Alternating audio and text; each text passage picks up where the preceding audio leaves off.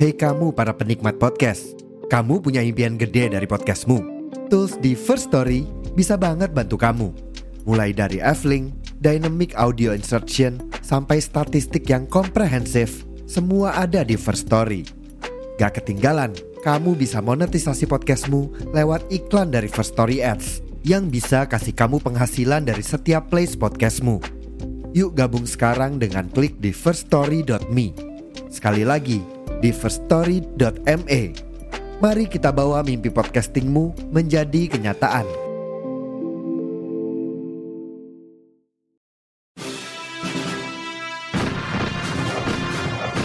Saya berbicara di sini sebagai penyambung lidah rakyat Indonesia.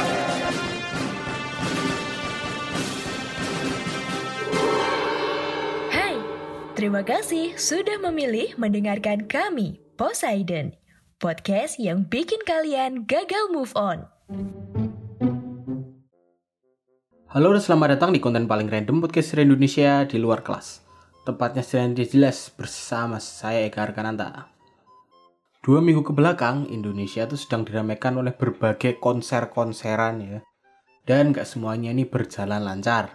Ada yang duitnya ditelep sama panitia, ada yang milih venue konsernya bahaya, sampai-sampai gagal di tengah acara. Dan ada juga yang lancar sentosa, tapi banyak yang duitnya hilang karena kena tipu daya demi nonton musisi kesukaan mereka.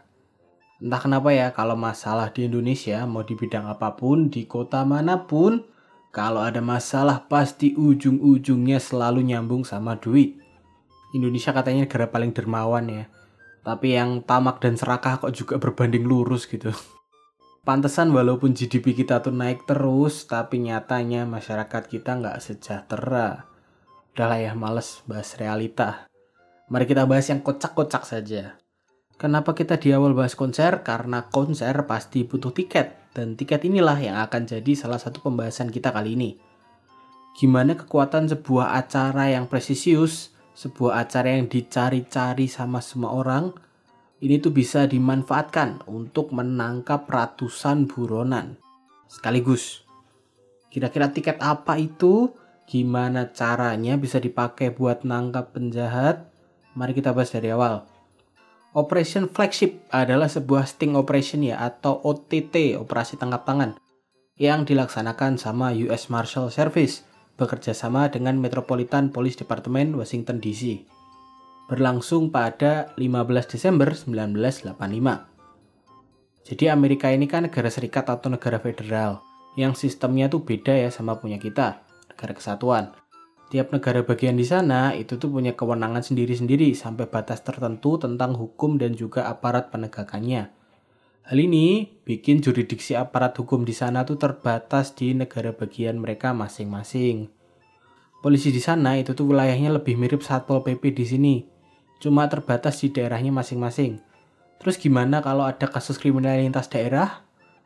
Atau apakah negaranya tuh nggak peduli gitu, nggak ikut berperan sama sekali sama kasus kriminal di tiap negara bagiannya?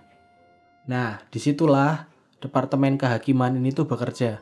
Selain mengambil alih kasus lintas daerah, mereka juga berperan membantu penyelesaian masalah di seluruh negara bagian.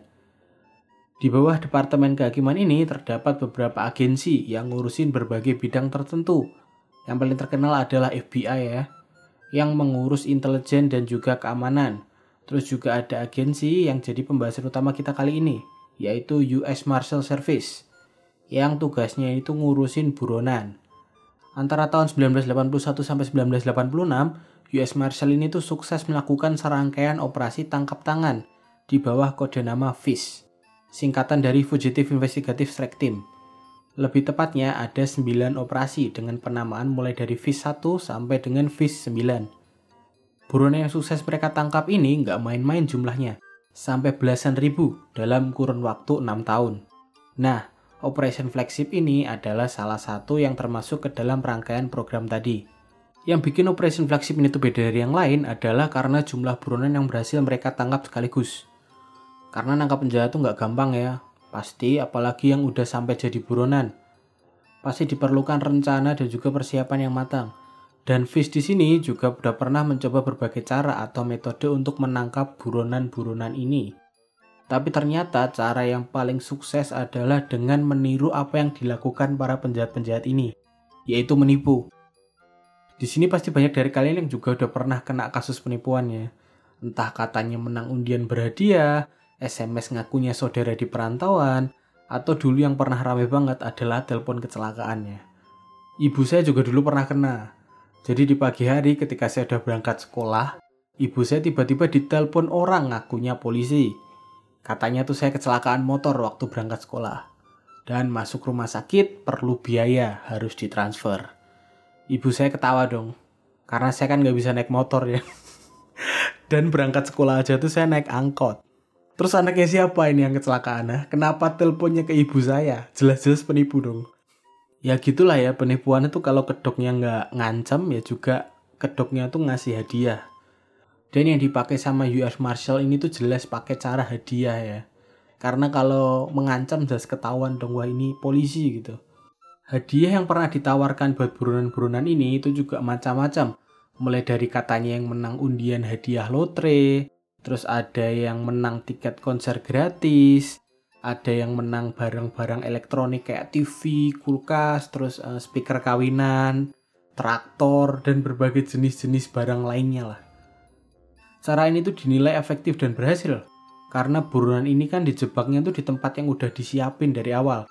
Jadi lebih aman daripada harus ngerebek ke tempat persembunyiannya. Kalau digerebek kan ada kemungkinan mereka bakal ngelawan balik ya, mungkin aja pakai senjata. Tapi kalau digrebek di tempat yang mereka nyangkanya bakal dapat hadiah, mereka pasti akan lebih lengah. Tapi ternyata cara ini tuh juga masih kurang karena nangkapnya juga masih satu-satu per buronan. Masih kurang cepet lah. Gimana caranya biar nangkap langsung banyak?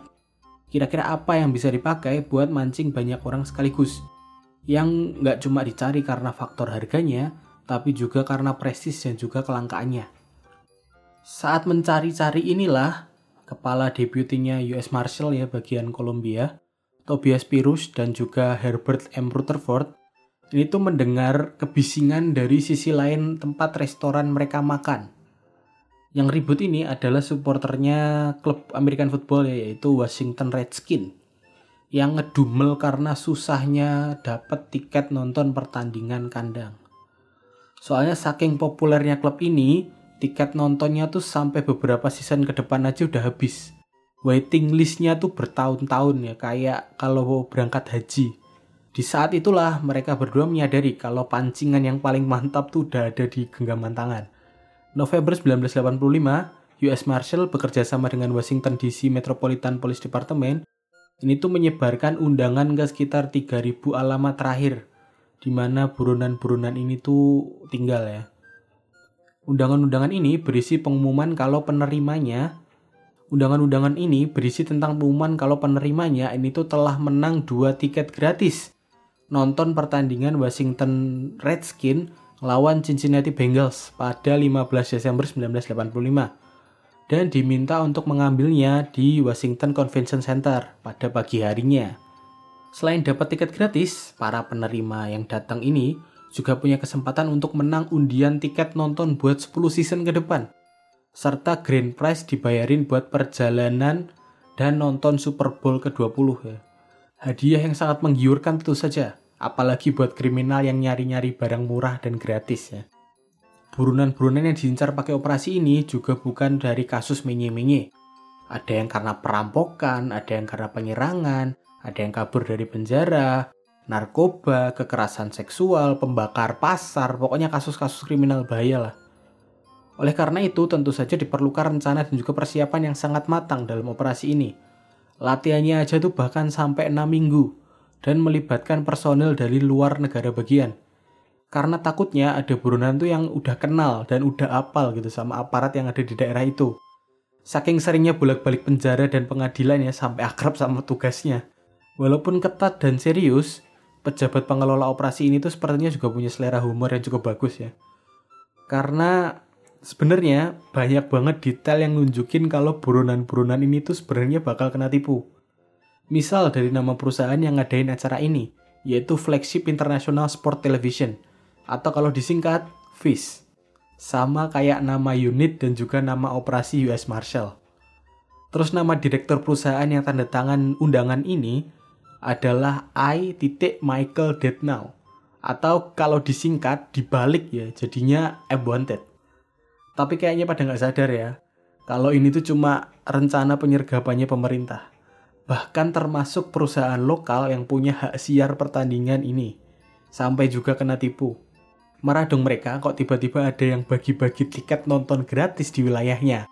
Ketika udah sampai mau disomasi sama pengacara ke pengadilan, ditamparlah mereka sama realita kalau ternyata ini tuh cuma rencana tipuan dari pemerintah ya. Tanggal 15 Desember akhirnya tiba. Sesuai rencana, semua personel yang terlibat ini tuh sudah standby di lokasi dari jam 5 pagi. Ada yang dandan jadi pelayan, ada yang jadi staf kebersihan, poluan-poluan itu pada nyamar jadi cheerleader. Bahkan ada yang pakai kostum maskot ya, maskot ayam. Mana jelek lagi nih kayak habis kena flu burung. Tapi perlu diingat lagi kalau mereka semua adalah aparat-aparat penegak hukum yang juga ngebawa senjata api ya. Di balik kostum-kostum mereka hari itu. Acara ini harusnya dimulai jam 9, tapi saking semangatnya beberapa buronan itu ada yang datang dari jam 8 pagi. Oke, acaranya dimulai. Dari luar, dari mana pun dilihatnya, acara ini memang kelihatan kayak acara beneran. Proper banget. Nggak bakal ada yang ngira kalau ini tuh ternyata cuma jebakan bikinannya polisi. Buronan pemenang ini pada datang. Dicek identitasnya, dikasih name tag yang sebenarnya tuh udah disiapin dari awal ya. Buat bedain jenis-jenis kriminalnya. Karena saking banyak yang datang, sampai sekitar seratusan orang ya, penangkapannya ini tuh dibagi-bagi akhirnya jadi sekitar 10 sampai 20-an per kelompok. Biar gampang kalau ngeringkus. Jadi mereka diminta masuk ke ruangan, duduk, kemudian mendengar pengumuman dari MC ya, yang ternyata mengumumkan kalau mereka tuh dijebak, mereka kena prank. Dan diduk daya ya, dan diringkus sama pasukan bersenjata. Terus gimana? Berarti yang di luar ini tuh pada nggak sadar kalau ternyata teman-teman mereka yang masuk ke ruangan itu ternyata diringkus di dalam ya nggak sadar ternyata nggak pada sadar karena menikmati acara ya saking menikmatinya mereka makan-makan pada sibuk godain poluan ya yang sebenarnya tuh nyamar dan pegang-pegang buat menggeledah mereka kalau kalau kalau bawa senjata. Operasi ini tuh akhirnya berjalan sukses dengan sekitar 101 boronan tuh tertangkap sekaligus dalam satu hari dan dalam satu acara menjadikan ini salah satu pencapaian terbaiknya aparat penegak hukum di sana sampai saat ini. Gimana menurut kalian? Apakah menurut kalian buronan di sana terlalu bodoh? Atau memang rencana dan hadiahnya aja yang terlalu bagus? Sampai-sampai bikin gelap mata. Silahkan tulis di bawah pendapat kalian di kolom Q&A atau kolom komentar sesuai dengan platform tempat kalian mendengarkan. Terima kasih udah dengerin sampai habis. Kalau punya kritik, saran atau ada ide bahasan, silahkan dikirim ke Instagramnya Poseidon di @podcast underscore secara Indonesia atau ke Instagram pribadi saya di @rotikecap. Jika ada kesalahan, saya mohon maaf sebesar-besarnya. Saya Eka Rekananta pamit. Sampai bertemu di konten Poseidon yang lainnya. Bye-bye.